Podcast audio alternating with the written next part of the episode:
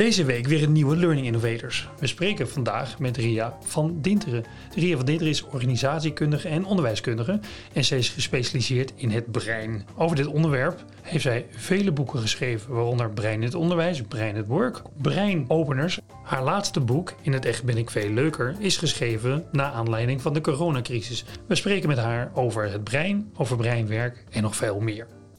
Learning Innovators. De podcast van Pluvo over leren. Nou, hallo eh, Ria, leuk dat je er bent.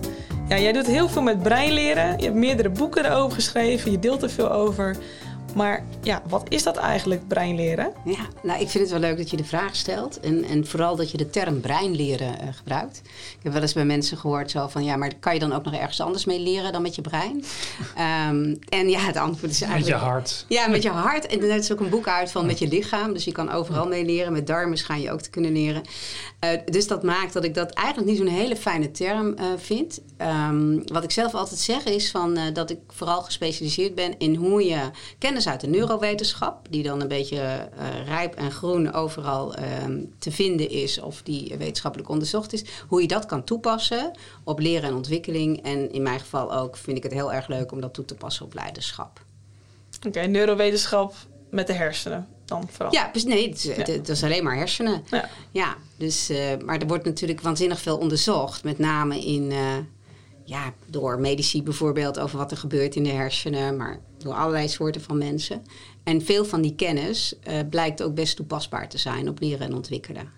En dus op zich doen we dat pas een jaar of twintig of zo hoor. Dus daarvoor deden we dat allemaal niet. Uh, hadden we het eigenlijk alleen maar over hersenen als het ging over afwijkingen of over ziektes of noem maar op. Maar niet dat we dachten van misschien kunnen we in die hersenen ook eens kijken wat er gebeurt als we leren. Dus het gaat een beetje over hoe je hoe je de hersens voedt met, met kennis. Zeg maar, hoe, hoe moet ik het zien? Is het, is het, is het de stofjes? Is het de, het of is het alles? Het is van alles hmm. bij elkaar, maar eigenlijk is het um, ja, wat, je, wat je in neurowetenschap bijvoorbeeld uh, onderzoekt, is. Uh, ik zal een mooi voorbeeld geven. Wat ik zelf altijd heel mooi vond, was dat. Uh, um, toen ik daar 15 jaar geleden zeg maar, mee in aanraking kwam, toen was er een onderzoeker. Dat was Margriet Sitskoorn, die nou, voor sommige mensen ook wel bekend is. Die was met een onderzoek bezig in Utrecht over wat, he, wat voor effect heeft beweging op het brein van mensen die dementie hebben. En uh, dat was heel interessant onderzoek. Dus sommige mensen bewogen, andere mensen niet. En toen bleek dat bij mensen die veel bewogen, dat het proces wat langzamer ging. Dus het, eigenlijk was dat, die cognitieve achteruitgang, dat was langzamer. En nou, dat was een heel interessant onderzoek en een heel interessant gegeven. En op het moment dat je dat op leren en ontwikkelen gaat uh, plakken, dan ga je natuurlijk de vraag stellen: wat gebeurt er nou als je iets moet leren en je gaat bewegen. Welk effect is er dan uh, te meten? En dan blijkt dat zij gewoon prima weten wat er eigenlijk allemaal gebeurt. En dat er eigenlijk in de structuren in ons brein. Um, waar de beweging plaatsvindt, zit toevallig ook wat we noemen de hippocampus, die super belangrijk is voor dingen onthouden. Dus ja, bewegen en onthouden hebben wel degelijk met elkaar te maken. Uh, dus dan kan je gewoon de relatie leggen tussen die wetenschap die allemaal dingen doet en de toepassing bij leren en ontwikkelen. Ja, want in dit geval zou je kunnen zeggen: als je gaat hardlopen en een podcast luisteren, dan onthoud je het beter? Ja, dat zou heel mooi zijn. Ja, nou, deels is dat zo. Uh, het voorbeeld wat we allemaal kennen is het voorbeeld wanneer we onze sleutels kwijt zijn. Hè? Je bent je huis binnengekomen en dan moet je weer weg. En dan denk je, potverdikke me, waar heb ik die dingen toch gelaten? En wat ga je dan eigenlijk doen? Hè? Dan ga je niet op de bank zitten, nadenken van, goh, waar zou ik ze gelaten hebben? Maar 9 van de 10 mensen, die gaan dan lopen. Die lopen het traject wat ze gelopen hebben toen ze binnenkwamen. En dan op een gegeven moment ergens halverwege denken ze, oh ja, daar waren ze. Uh, dus dat is een direct effect van, ja, van dit principe eigenlijk. Ja. En podcast en hardlopen. Uh, mensen die heel veel podcasts luisteren en wandelen. Hè, zeker nu in die coronaperiode is dat heel veel voorgekomen. Daarbij zie je wel dat als er hele belangrijke boodschappen zijn en je doet bijvoorbeeld nog iets extra's in je wandeling, je gaat stilstaan omdat het een heel belangrijke boodschap is, dan is de volgende keer als je langs dat paaltje loopt, heb je dikke kans dat je dat moment herinnert. Dus precies die, uh, die gegevens. Dus het heeft wel degelijk, uh, ja, het kan effect hebben. Ja, dat doet me eigenlijk denken aan het, uh, wat ik altijd deed in mijn studententijd. Ging ik studeren voor een tentamen en dan ging ik kauwgom kauwen. En ik had wel eens gelezen dat als je dat doet en je doet het op je tentamen ook weer... dat het daarom makkelijker is om die informatie op te halen. Ja, ja, ja. ja dat klopt wel een klein beetje. Of is het een broodje aap? Nou, het is ook een beetje broodje aap, maar het is ook een beetje dat het klopt. Ik heb bij, bij kinderen zeg ik ook wel, gebruik nou hetzelfde potlood wat je gebruikt hebt om thuis te leren en te onderstrepen. Ook voor je multiple choice vragen. En ja, deels is het, uh, ja, klopt het ook, omdat je dan weer bijna in een soort van dezelfde setting zit. Hè? En, uh, een beetje een geheugenpaleis, alleen dan echt. Precies, precies. Ja, Nee, maar dat is het ook. Dat is precies wat het is. En de andere is dat we ja, dat, dat brein van ons is natuurlijk helemaal niet zo rationeel als dat we dat soms zouden willen. Dus dat betekent ook dat, we, dat er qua suggestie, hè, op, het moment dat jij gelooft dat het werkt, dan werkt het al voor 30 procent. Uh, dus uh, dat betekent dat je jezelf eigenlijk ook een beetje kan oppeppen door te denken, nou, ik doe nu die kauwgom, dus nou weet ik meer. Ja. Hè, dus dat, dat werkt ook zo. Oh, interessant is dat eigenlijk. Ja, sowieso het stukje mindset in leren is denk ik wel heel belangrijk. Zeker. Is dat ja, wat ik doe bij mijn kinderen in zoverre ook. Als zij, zeg maar, mijn, zoon van tien jaar, als de topografie moet leren, zeg ik ook gewoon schrijven. Niet alleen omdat hij daardoor leert uh, hoe hij het op moet schrijven, maar dat hij ook, omdat hij het, zeg maar, tien keer heeft geschreven, ja. de volgende keer als hij zijn potlood pakt, dan kan hij het gewoon dan, dan, herinnert hij zich ook een stuk makkelijker dan als ik het in zomaar aanwijs. Ja, zeker. Dus het zit bijna ook in die, in die handeling van zijn hand. Ja daar zit eigenlijk al het antwoord dan. Ja, en het feit dat je het zelf actief doet. Dus, dus je gebruikt eigenlijk ook nog een ander principe van ons brein. Als we namelijk dingen alleen maar horen, van iemand anders bijvoorbeeld, uh, dan blijft het veel minder hangen dan wanneer we zelf actief ermee bezig zijn. Dus Um, uh, ik ben vroeger docent geweest en um, een van de favoriete dingen die ik altijd deed, was ze vonden mij een hele leuke docent, want bij mij mocht je een speakbrief uh, erbij houden. Okay. Maar die gingen we dan wel eerst zelf maken. En dat betekende dat ik een grote A4 had en dan zei ik, nou schrijf maar alles op waarvan je denkt dat je dat nodig hebt. Nou, zij allemaal schrijven. En dan liep ik er zo langs en dan uh, zei ik, ja, ik zeg, weet je, dit, dit kunnen we niet maken als de inspectie of zo binnenkomt. Dit is echt uh, opvallend. dus weet je, we moeten hem kleiner maken. Dus dan vouwden we hem een keer dubbel. Nou, dat deed ik meestal twee, drie keer. En dat betekende gewoon dat iedereen het drie, vier keer opgeschreven had. en ja, ze wisten het gewoon. Hè? Dus dat was uh, voor mij, toen, en dan mochten ze er voor mij ook bijhouden. En daarna zeiden ze dan, ik heb helemaal niet gekeken.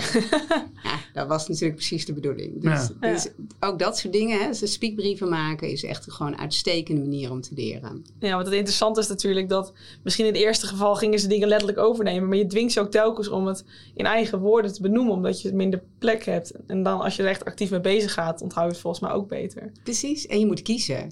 Van wat, wat past dan op dat kleine blaadje? Of je gaat heel erg je best doen om het nog kleiner op te schrijven. Dus dan lees je dat woord en dan wil je hem nog kleiner maken. Nou, dat zijn allemaal van die, van die dingen die je kunnen helpen ja, dus, uh, dit, zijn echt, dit valt echt onder beter studeren uh, tips. Ja. Uh, ik weet dat wij daar ooit een module voor hebben gemaakt voor schoolkinderen. En dat heette Leerde tegen je zin. Dat, hè, de, van dat werkt ook. En dat, dat bevat allemaal dit soort tips. Hè, van schrijf het op. Of, nou, als je dit nou zou vertalen naar volwassenen. Want als volwassene en, en je zit niet meer op school. Dan heb je eigenlijk niet meer zo de behoefte om dat wat je moet leren over te schrijven. Zodat nee. je het gaat onthouden. Hoe kan je dan dit dan toch inzetten? Ja, dat is, dat is wel interessant. Want ik heb heel vaak wel de neiging om de dingen die bij kinderen werken, toch ook wel naar volwassenen te, uh, te vertalen. En misschien ga je niet meer zeggen, je moet het overschrijven. Maar ik zeg wel tegen mensen, als jij een presentatie moet geven, doe me een lol en uh, laat hem door iemand anders verfraaien. Maar ga hem zelf maken, want dan hoef je hem ook niet meer voor te bereiden dan heb je dat al gedaan. Terwijl je nagedacht hebt over de structuur en dat je hem al gemaakt hebt.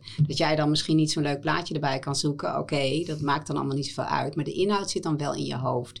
Dus, dus je kunt ook, als het gaat over bij volwassenen leren, kun je dat actief maken. Dat actieve leren. Kun je op andere manieren kun je dat ook gewoon stimuleren. Ja, precies. Je moet het gewoon doen. Ja, inderdaad. Precies. En dan, dan leer je het vanzelf. Is het. Ja. ja, het is gewoon een hele belangrijke uh, leerstrategie. Hè? Of voor zover je het daarover kan hebben. Uh, dat je actief verwerkt. Dus als jij gewoon iets wil gaan doen, dat je ervoor zorgt dat je niet uh, ja, dingen gaat opschrijven, maar dat je gewoon denkt: oké, we gaan het uh, actief verwerken. Aan wie moet ik het gaan vertellen? Hoe kan ik het presenteren?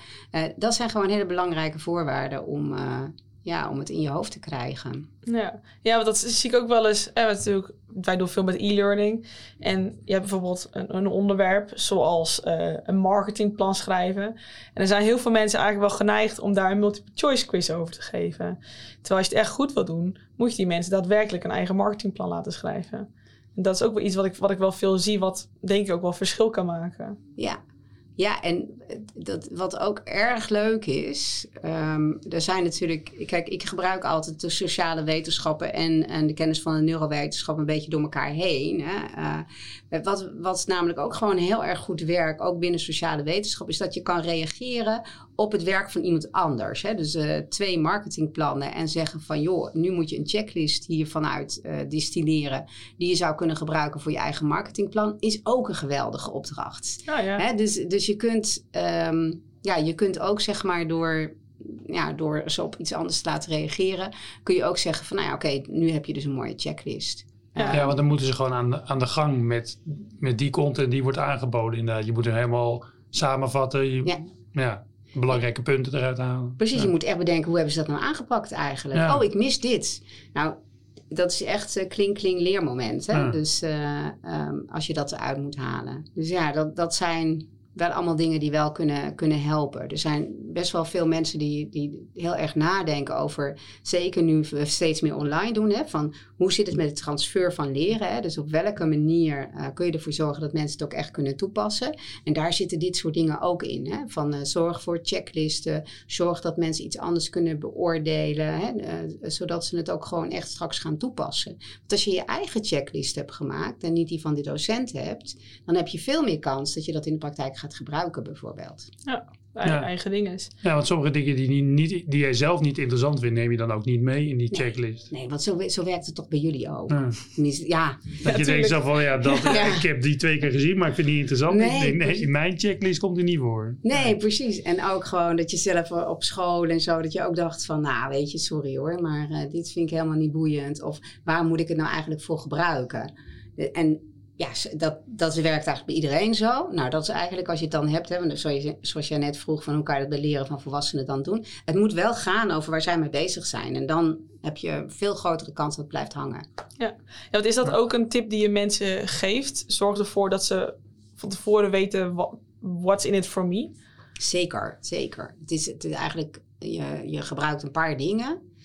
Um, ja, dit, we hebben het nu heel erg al over uh, toepassing op het gebied van leren. Maar uh, je, het wordt in it for me en het delen van doelen. En wat wil ik nou eigenlijk uh, dat, dat er gebeurt? Of wat zou ik jou nou willen leren? Dat zijn dingen die jouw brein heel erg richten. en het is een van de dingen die we weten van breinkennis is gewoon dat je je brein um, fungeert eigenlijk. Ze noemen dat in goed Engels een goal-seeking device. Als jij je, wat voorneemt, dan ga je dat soort dingen ook zien. Dus op het moment dat jij weet, dit is het doel, of dit is wat ik moet maken, en je weet dat al bij het begin, dan uh, gaat jouw brein denken, oh ja, dan kan ik dit er wel in stoppen en dat kan ik wel doen. Terwijl als je helemaal aan het eind pas een verwerkingsopdracht krijgt, waar de doelen in zitten, ja, dan moet je bijna weer helemaal opnieuw beginnen. We, we kennen dat allemaal ook wel van scholen, dat je dan denkt, ja, maar ho, als ik had geweten dat het zo'n soort examen was, of Ja, dat ja. het zo'n soort toets was, dan had ik dat op een andere manier aangepakt. Dus het is heel belangrijk om gewoon je doelen uh, uh, goed te delen.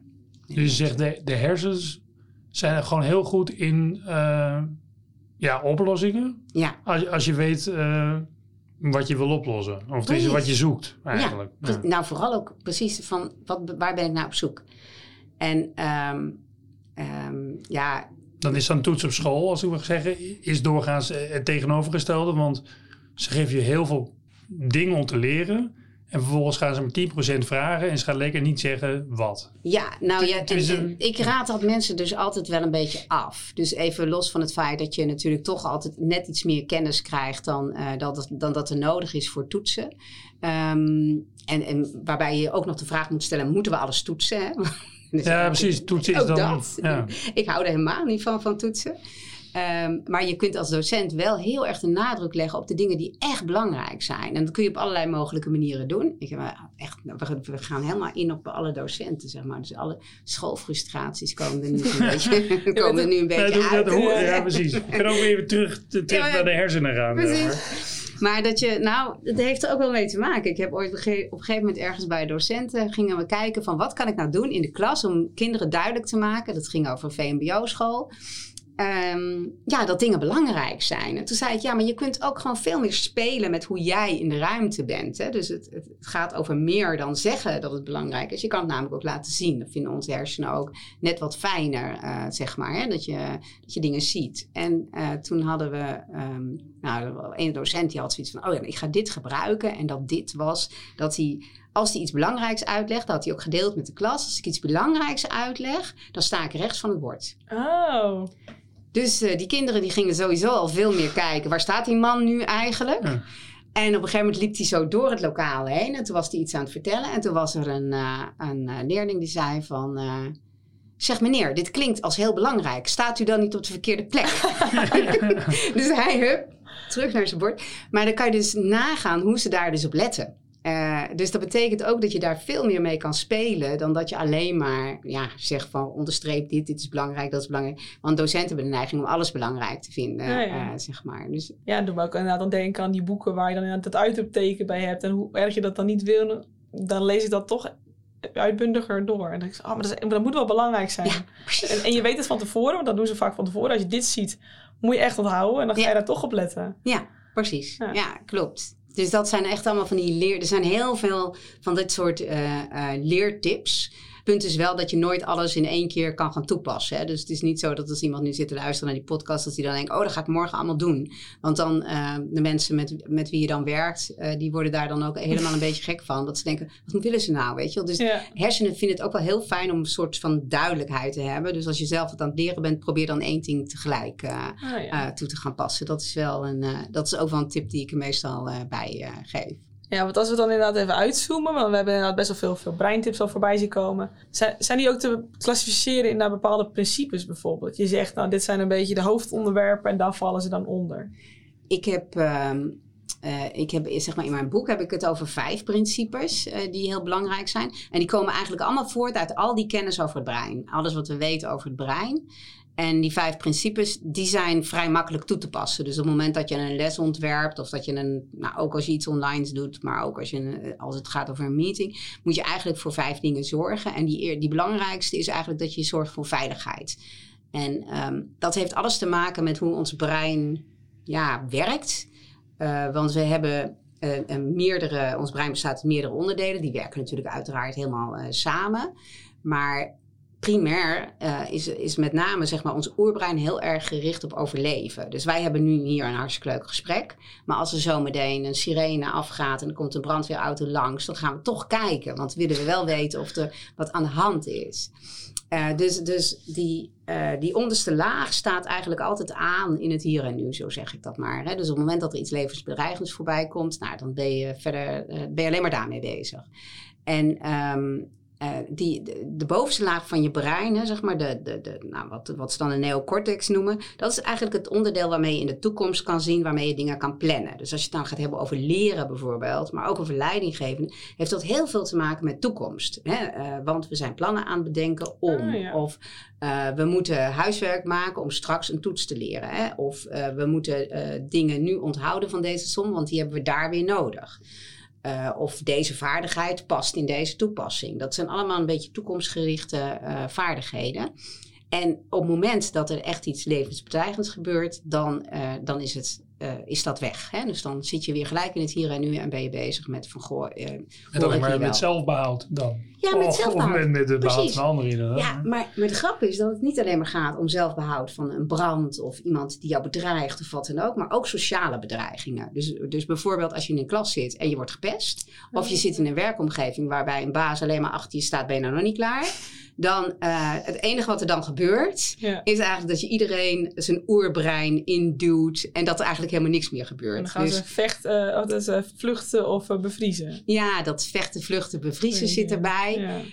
Um, dat is inderdaad zo'n primaire reactie als we echt in acuut uh, ge uh, gevaar zijn. Maar je bent ook op het moment dat je voortdurend aangesproken wordt in je oerbrein door mensen om je heen, dan, ja, dan ben je gewoon niet meer echt heel erg aan het leren. Nee. Of ook niet meer de toekomst aan het overzien. Dus um, nou, de, hele, uh, de hele coronacrisis bijvoorbeeld in het begin, ja, dat was compleet irrationeel zoals we met z'n allen soms aan het reageren waren door uh, wc-rollen heen te slaan. En, uh, in Amerika gingen ze allemaal geweren kopen, dus daar hadden ze een hele ander soort primaire levensbehoeften. Maar ja, ja dat, dat, heeft allemaal met die veiligheid te maken. Dus op het moment dat je dingen wil leren, veiligheid is dan super belangrijk. En dan moet je, daarvoor moet je als docent andere dingen doen, of als trainer of leidinggevende. Um, uh, dan dat je normaal gewend zou zijn. Dus uh, om maar iets te noemen, hè, je, komt een, je komt een ruimte binnen, je wil iets presenteren. Um, ja, je kan uh, gelijk beginnen. Hè. Ik ken een organisatie waarbij mensen dan maar gewoon gelijk beginnen. Dit is het en dit is wat jullie allemaal moeten doen. Maar ja, op het moment dat je geen rekening houdt met wat er verder in die ruimte is of gebeurt. Hè, dus dat er niet een soort sfeer ontstaat van hé, hey, wij, wij mogen hier met z'n allen zijn, want we hebben een soort gezamenlijk doel met elkaar. Hoe je dat doet, je kunt dat maakt niet zoveel uit. Nee, dat maakt niet zoveel uit. Het is ook heel klein. Het hoeft niet waanzinnig groot te zijn. Um, maar dat is wel super belangrijk voor het slagen van jouw presentatie. Dus die veiligheid moet je gewoon zorgen dat dat in orde is. Um, en dus dat is, dat is die eerste, zeg maar. Dat is het eerste breinprincipe. Verder heb ik het over voeding. En dat gaat zowel over echte voeding. Hè? Dus uh, uh, uh, voldoende water drinken omdat je, omdat je brein ja, dat nou eenmaal allemaal nodig heeft. Maar ook bijvoorbeeld met materiaal. Um, nou, als je gaat kijken naar online, ziet het er aantrekkelijk uit. Word je uitgedaagd door het materiaal. Uh, nou, uh, die dingen. Wat daar ook bij hoort, is, is mindset. Hè? Jij je zei het net al, zo van ja, hoe, hoe kijk je eigenlijk tegen dingen aan? Um, want op het moment dat jij denkt, ik kan niks, um, dan wordt het wel heel erg lastig, ook al heb je nog zo'n mooi materiaal, om daar iets van te doen. Dus je moet wel een soort mindset hebben waarvan je denkt, nou, dat kan ik allemaal wel. Of, uh, nou, ik ga maar eens beginnen met stap 1. Um, ehm, nou, Gerald Weck noemt dat een groeimindset. Dus dat is ook super belangrijk. Als, ja. als, dat er niet is, ja, stop dan maar. Dan, oh, wat bedoel je ermee met de, de mindset? Zeg maar, de growth mindset is dat je denkt dat je kan groeien. Ja. Ja, en, en, dus, en als je dus niet denkt, dat je het kan, dan, ja, dan hoef je niet eens te beginnen. Dat is het een beetje. Nou, wij hadden het net over toetsen bijvoorbeeld. Hè? En uh, uh, die, de, die hele mindset-theorie die komt van Carol Dweck uh, vandaan. Dat is een Amerikaanse neurowetenschapper. En zij heeft ontdekt dat als je... Um, dat er eigenlijk twee soorten manieren zijn om naar leren te kijken. Die overigens ook veranderbaar zijn. Hè? Dus je hoeft niet bang te zijn dat je voor altijd vastzit aan een bepaalde mindset. Um, dat er mensen zijn die, die denken dat ze echt moeten bewijzen dat ze het kunnen. Dat gebeurt bijvoorbeeld bij toetsen. Van zie je wel, ik kan het niet, ik heb drie keer een drie gehaald, dus waarom zou ik er nog aan beginnen? Dat noemt zij een fixed mindset. En er zijn ook mensen die denken, ja, nou uh, boeien, ik ga, gewoon, ik ga gewoon nog een keer proberen of ik ga nog even oefenen. Dus dat zijn mensen die veel meer uh, procesgericht bezig zijn van stapje voor stapje ergens naartoe.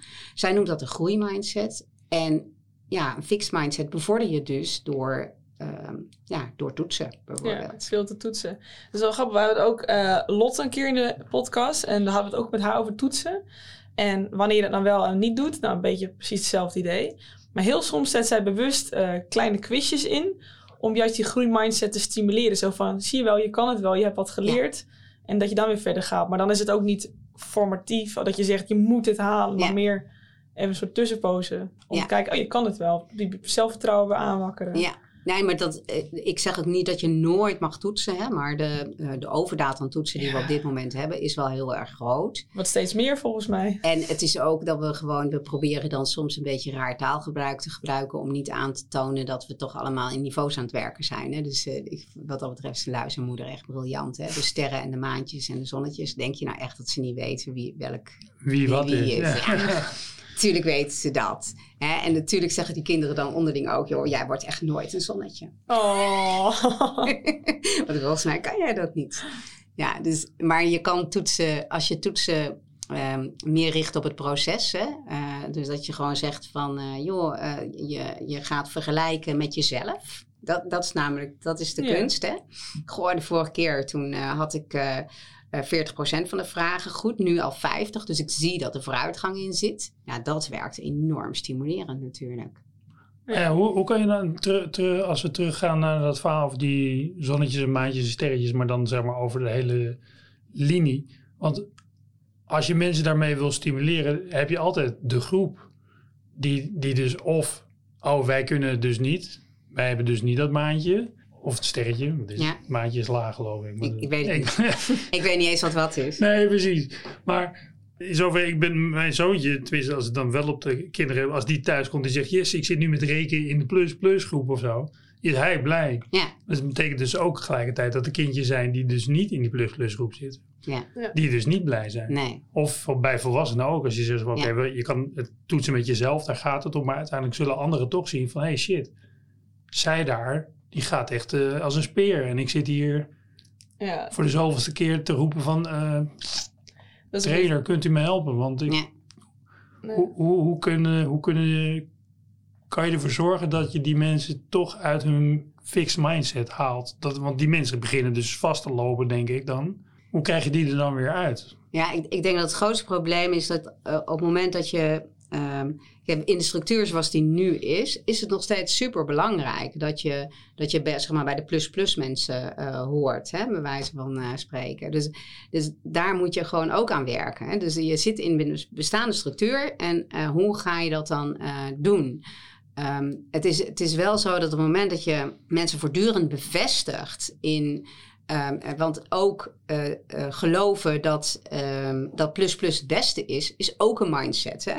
Want wat gebeurt er als iemand uit de plus plus gaat? Ja, dan vindt, vindt hij zichzelf misschien ook wel een mislukkeling of zo. Ja, hè? ja. Dus, dus het, ehm, het is niet zo dat, je, dat, het, dat, dat mensen die een fixed mindset hebben, dat dat, ehm, dat dat per definitie mensen zijn die niet verder komen. Want dat hoeft helemaal niet zo te zijn. Het kunnen ook hele goede mensen zijn, namelijk die gewoon voortdurend willen bewijzen dat ze supergoed zijn. En wat er dan ontstaat, en dat is denk ik het meest interessante om mee te werken als begeleider of docent of wat dan ook, is dat mensen het niet meer durven omdat ze denken, ja, maar ik ben nu van de plus plus naar de plus gegaan. Of van het maandje naar het zonnetje. En ik ben dus eigenlijk één niveautje naar beneden gegaan. Zie je wel, ik kan het niet. En dat zorgt er dan dus voor dat dat leerproces eigenlijk stopt. Dus dat is ook wat Carol Dweck dan zegt. Zo van, je moet er eigenlijk voor zorgen dat, de, dat mensen blij worden van een leerproces. En als je hem veel verder trekt naar in wat voor wereld eh, zijn we op dit moment aan het eh, leven en waar lopen we tegenaan en ja, blijven we nog allemaal hetzelfde werk doen? Hè? Zitten jullie hier volgend jaar nog of over vijf jaar of over tien jaar?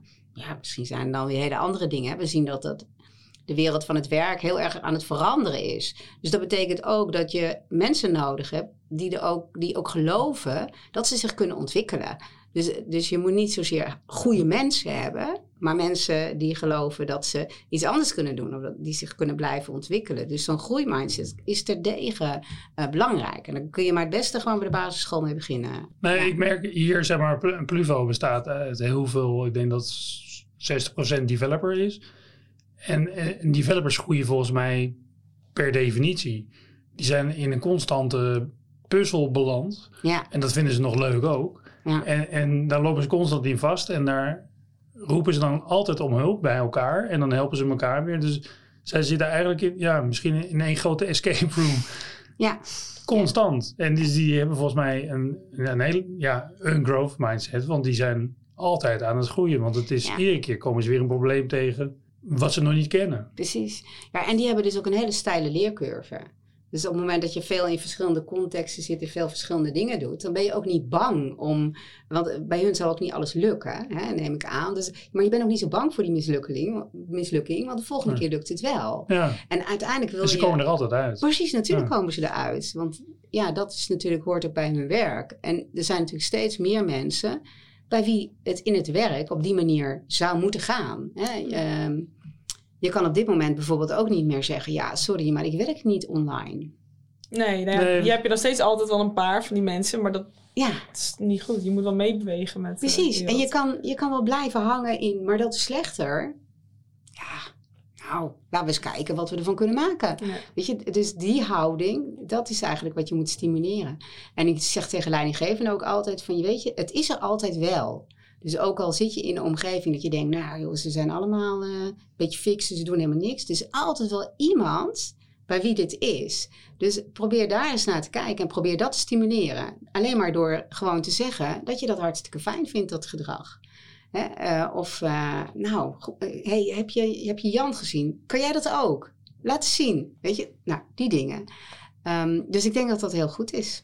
Ja, dat denk ik ook. En dat, dat was dan het derde principe wat je net noemde? Nou ja, we hadden veiligheid, voeding en dan hebben we uh, emotie. Hè? Dus uh, alles waar emotie mee gekoppeld is. Ja. Dus op je verjaardag moet je vooral hele moeilijke dingen gaan doen. Dan onthoud je het tenminste. Oké, okay, is dat zo? Ja, dat is echt zo, ja. ja. Omdat je dan koppelt aan je verjaardag. Dan koppelt je het aan je verjaardag. En het jaar erop denk je dan, oh ja... Ja, ja, toen heb ik die sollicitatiebrief geschreven. Oh, wauw. Ja, dus dat kun je gelijk uh, doen. Ja, en dan, dan is verbinding en verwerking, dat zijn zeg maar de laatste uh, twee principes, waarbij verbinding echt gaat over dat je leren koppelt aan eerdere gebeurtenissen. Maar ook dat je mensen aan elkaar koppelt om van elkaar te leren. Want ja, ook dat gebeurt. En verwerking, daar, ja, daar hebben we het natuurlijk heel even over gehad. Zo van zorg ervoor dat je heel actief uh, alle informatie verwerkt, dat je er dingen mee gaat doen. Um, wat ik bij organisaties ook nog wel eens zeg, bied nooit wat aan wat mensen niet direct kunnen gebruiken. Um, en ja, dit, dit, klinkt echt super simpel, maar ik ken wel organisaties waarin de, het nieuwe computersysteem geïntroduceerd wordt, maar de lijn van de cursussen die loopt niet synchroon met de introductie van het systeem, waardoor er soms twee jaar tussen kan zitten Oh, voordat ja. je het systeem kan gebruiken. Ja, dan kun je weer opnieuw beginnen. En dus, dus actief verwerken en dat ook Ja. gewoon doen op het moment dat het plaatsvindt, dat is eigenlijk gewoon, eh, ja, dat is gewoon super belangrijk om dat eh, goed te doen. En wat ik dus ook wel interessant vind, je noemde net emotie. Hoe zou je dat kunnen inzetten zodat mensen beter onthouden wat je ze wilt leren?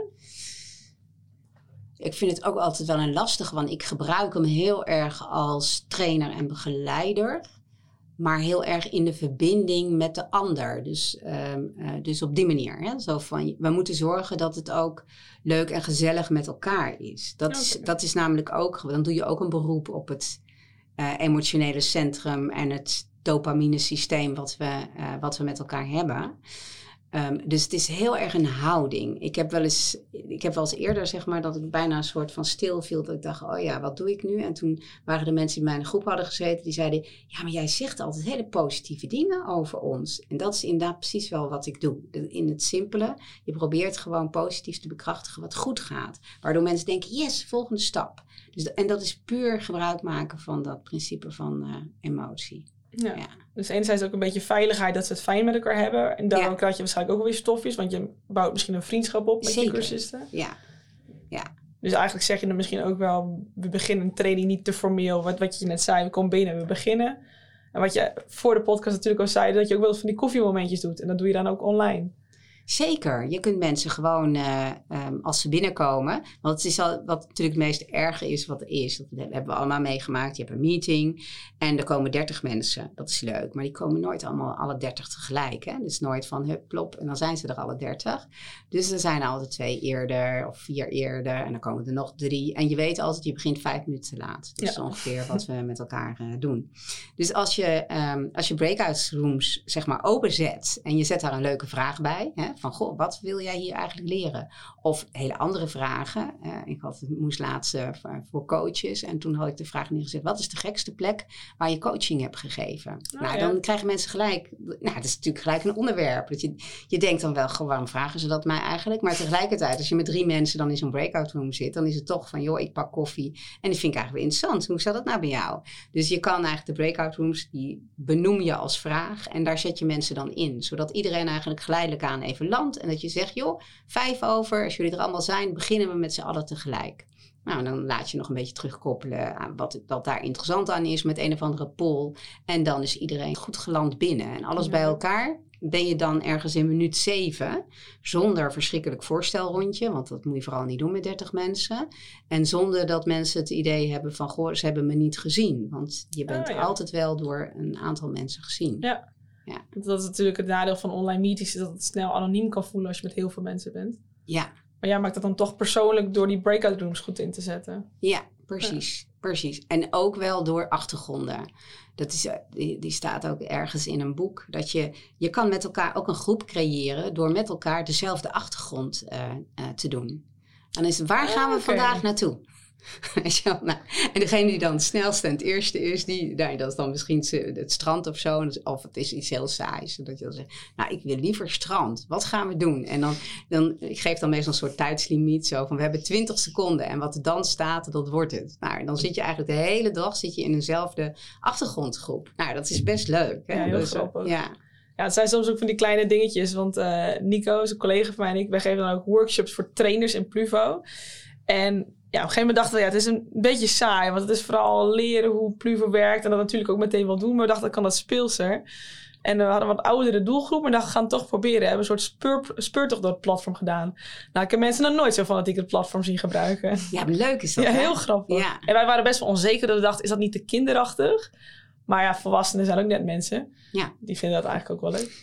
Ja, precies. Nee, dat, dat, zijn, weet je, dat, dat is denk ik ook een soort misvatting. Dat dit soort dingen alleen maar voor kinderen zijn. Want Ja. voor- ja, wij vinden dat met z'n allen toch ook leuk. Ja, Ja. Ja. Het- is eigenlijk een beetje gewoon zorgen dat online voelt altijd heel efficiënt door te zeggen inderdaad tien uur open. Je hebt het over het antwoord en tien over tien eh, gooi je hem weer dicht en dan eh, hebben we het allemaal gehad. En je zegt eigenlijk van ja, maar dat slaat er helemaal nergens op. Ik bedoel, maak het even leuk. Ik bedoel, dat, dat doe je in real life ook. Dan sta je Ja. ook bij het koffiezetapparaat nog even te kletsen. Staan daar drie mensen, staan daar vier mensen. En uiteindelijk kom- komen de groepjes langzaam binnenlopen. precies. En dat is hier dan eh, ook een beetje het geval. Ja, want zelfs als je dan, tenminste, ik zit een beetje mezelf eh, te bedenken. Dus als ik naar een grote groep van 30 zou gaan, zou ik ook me een beetje alleen voelen. Terwijl als je eerst in een breakout stapt over een bepaald onderwerp wat je leuk vindt, leer ik twee, drie mensen kennen. Denk ik, oh leuk. En ineens heb ik mijn clubje, Ja, waarmee ik dan weer de grotere groep betreed. precies. En daar voel ik me dan gelijk al sterker. Ja.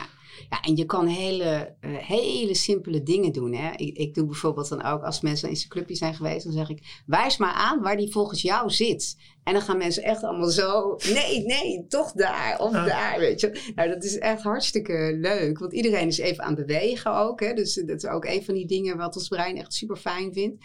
Dus ja, je bent, op die manier maak je het echt leuker. En ik had gisteren had ik een groep en dat, ja, nou volgens mij was de gemiddelde leeftijd toch zeker wel 50 of zo. Maar ik zeg dan echt wel zo aan het eind van, ja joh, nou is hartstikke leuk. Nou lijkt het net alsof we elkaar heel goed kennen. Maar ik weet echt niet of jullie benen hebben. ik zeg, dus die gaan we even allemaal laten zien. Al die benen omhoog. Dus, eh, nou, dat is dan, dat is heel grappig. Gewoon moet je niet elke keer doen. Maar het is wel leuk om dat af en toe ook tussendoor te doen. En dan doen toch ook Het moet gewoon niet zo serieus allemaal.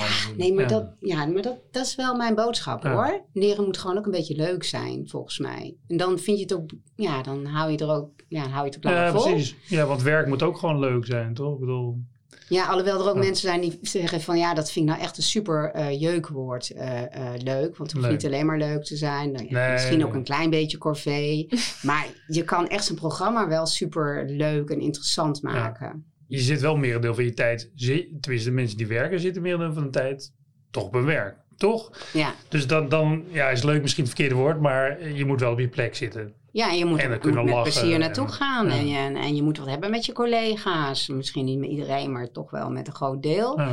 En als je denkt aan die veiligheid van dat brein, dan is het echt super belangrijk dat jij je gewoon lekker voelt op je werk. En dat je eh, daardoor dus ook dingen kan gaan leren en nieuwe dingen kan gaan uitproberen. ja, want anders ontwikkel je ook niet, toch? Bedoel, als je ergens niet op je plek zit en je voelt je daar niet veilig, dan kan je iedere training of cursus krijgen van je, van je baas, maar Ja. niks landt dan volgens mij. Nee, Nee. nee. precies. Ja, en de, wat leuk is, is ook dat je. ehm, je hebt natuurlijk van die organisaties waar sommige mensen toch gewoon echt al geestelijk heel lang met pensioen zijn.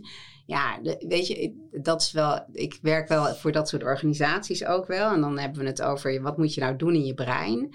En ik gebruik er altijd een hele mooie term voor, die overigens niet van mij is, maar die van Erik Scherder is. Dat is eh, bouw cognitieve reserve op. En eigenlijk zegt hij daarmee.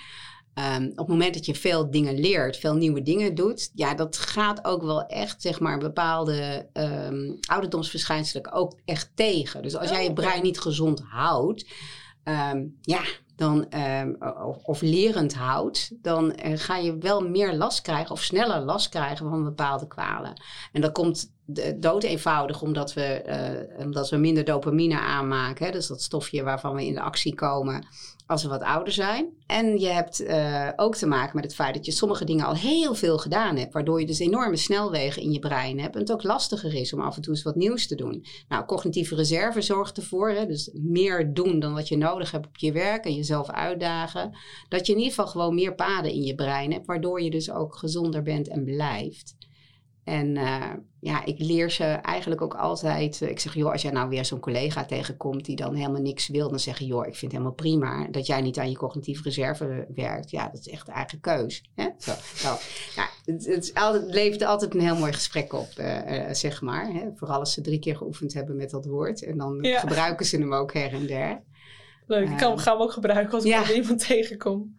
Ja, wat zijn er nog andere trucs, zeg maar, die, die mensen waar je het net over hebt, die eigenlijk al een beetje andere dingen aan het plannen zijn? Hoe, hoe kan je als organisatie die toch ik bedoel, het is toch vaak nog vijf jaar of zeven jaar wat die, dat, dat iemand nog eigenlijk heel veel geluk uit zijn werk kan halen. Ja. En als hij dat dan niet aan het doen is, omdat hij denkt, ja, over zeven jaar, ik heb die camper, ik ben die camper aan het sparen. Al met allemaal dingen bezig, maar niet met zijn werk, alleen maar met aftellen. Kunnen we daar wat mee? Nou, als ik met HRD'ers praat, dan praat ik ook wel over... je moet mensen ook niet de kans geven om als ze... Uh, nou, je hebt het over mensen die nog vijf jaar moeten of zo. Mensen die dan uh, begin 60 zijn of eind 50 of zo.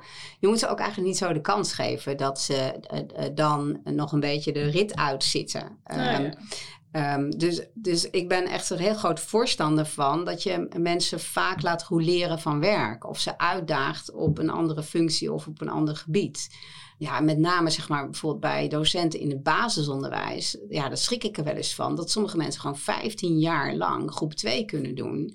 En dan ook echt zeggen, ja, groep 8, ja, daar, heb ik niks mee. Terwijl je natuurlijk wel die hele brede opleiding hebt. En je vroeger dus ook echt van groep 1 tot en met groep 8 les kon geven. Dus dan denk ik, wat is er gebeurd in de tussentijd? Dat sta je dan wel met elkaar toe dat mensen daarin vastroesten. En dat men letterlijk gewoon, hè, gewoon brein. Diegene heeft ook een soort macht opgebouwd. Zo van, nee, ik doe groep 2, punt. Precies, ik ben groep 2. Ja. ja. ik ben gewoon de juf van groep 2. Ik ben nooit de juf van groep 8. Nee. Ja, dat, dat is een beetje jammer. Dus je kunt als uh, eh, HRD'er of als manager... kun je daar natuurlijk gewoon een rol in spelen. Door gewoon preventief te zeggen van hoe ga ik dat doen. Er zijn natuurlijk ook mensen die hebben dat helemaal niet nodig. Want die pakken gewoon naast hun groep 2 nog 25 andere taken op... waardoor dat, hè, waardoor dat ook gestimuleerd wordt. Hè? Dus, dus de groei niet uh, te nagesproken. Maar je kunt daar gewoon wel bewust beleid op maken. Van hoe zorg ik ervoor dat mensen gewoon minder vastroesten in hun werk. En zeker bij werk wat, uh, ja, wat op een gegeven moment redelijk vanzelf... en op de automatische piloot gaat, wat doe ik dan? dus hoe, wat doe ik, ga ik dan doen met die mensen? Uh, wat ga ik dan stimuleren?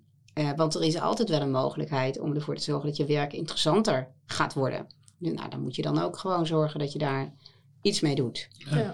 Ik vind het wel interessant dat je zegt inderdaad, uh, je als persoon heb je hier een rol in. Dat is eigenlijk ook wat ik eruit haal. Hè. En daar heb je principes voor, maar ook als manager heb je best wel een verantwoordelijkheid. Want sommige mensen zullen misschien alles aanpakken en andere mensen juist niet. Dus ook als je dat wil blijven stimuleren, moet je daar actief mee bezig gaan. Ja. Nou, ik, ik, denk eigenlijk dat we al een hele mooie podcast erin hebben zitten. Maar ik kan me heel goed voorstellen dat mensen toch nog wat meer willen weten over jou. Of uh, jouw fijne boek willen kopen. Want dat ga ik zeker ook doen. Waar uh, kunnen we die vinden? Um, nee, alles kan je ook bij bol.com kopen. Dus dat is allemaal niet zo heel erg ingewikkeld. En voor de rest kun je gewoon op mijn website kun je ook uh, er staan ook wat artikelen op. Dus als je denkt, ik wil even een beetje gasduinen uh, door al deze informatie, dan kun je altijd naar mijn website. En dat is gewoon www.riavandinsteren.nl. Nou, ja, helemaal goed. Dankjewel, Ria. Ja, graag gedaan. Voor het fijne gesprek. Dankjewel. Dit was weer de Learning Innovators podcast voor deze week. Word lid van de Learning Innovators community op www.learninginnovators.nl of volg ons op Instagram, pluvo.nl.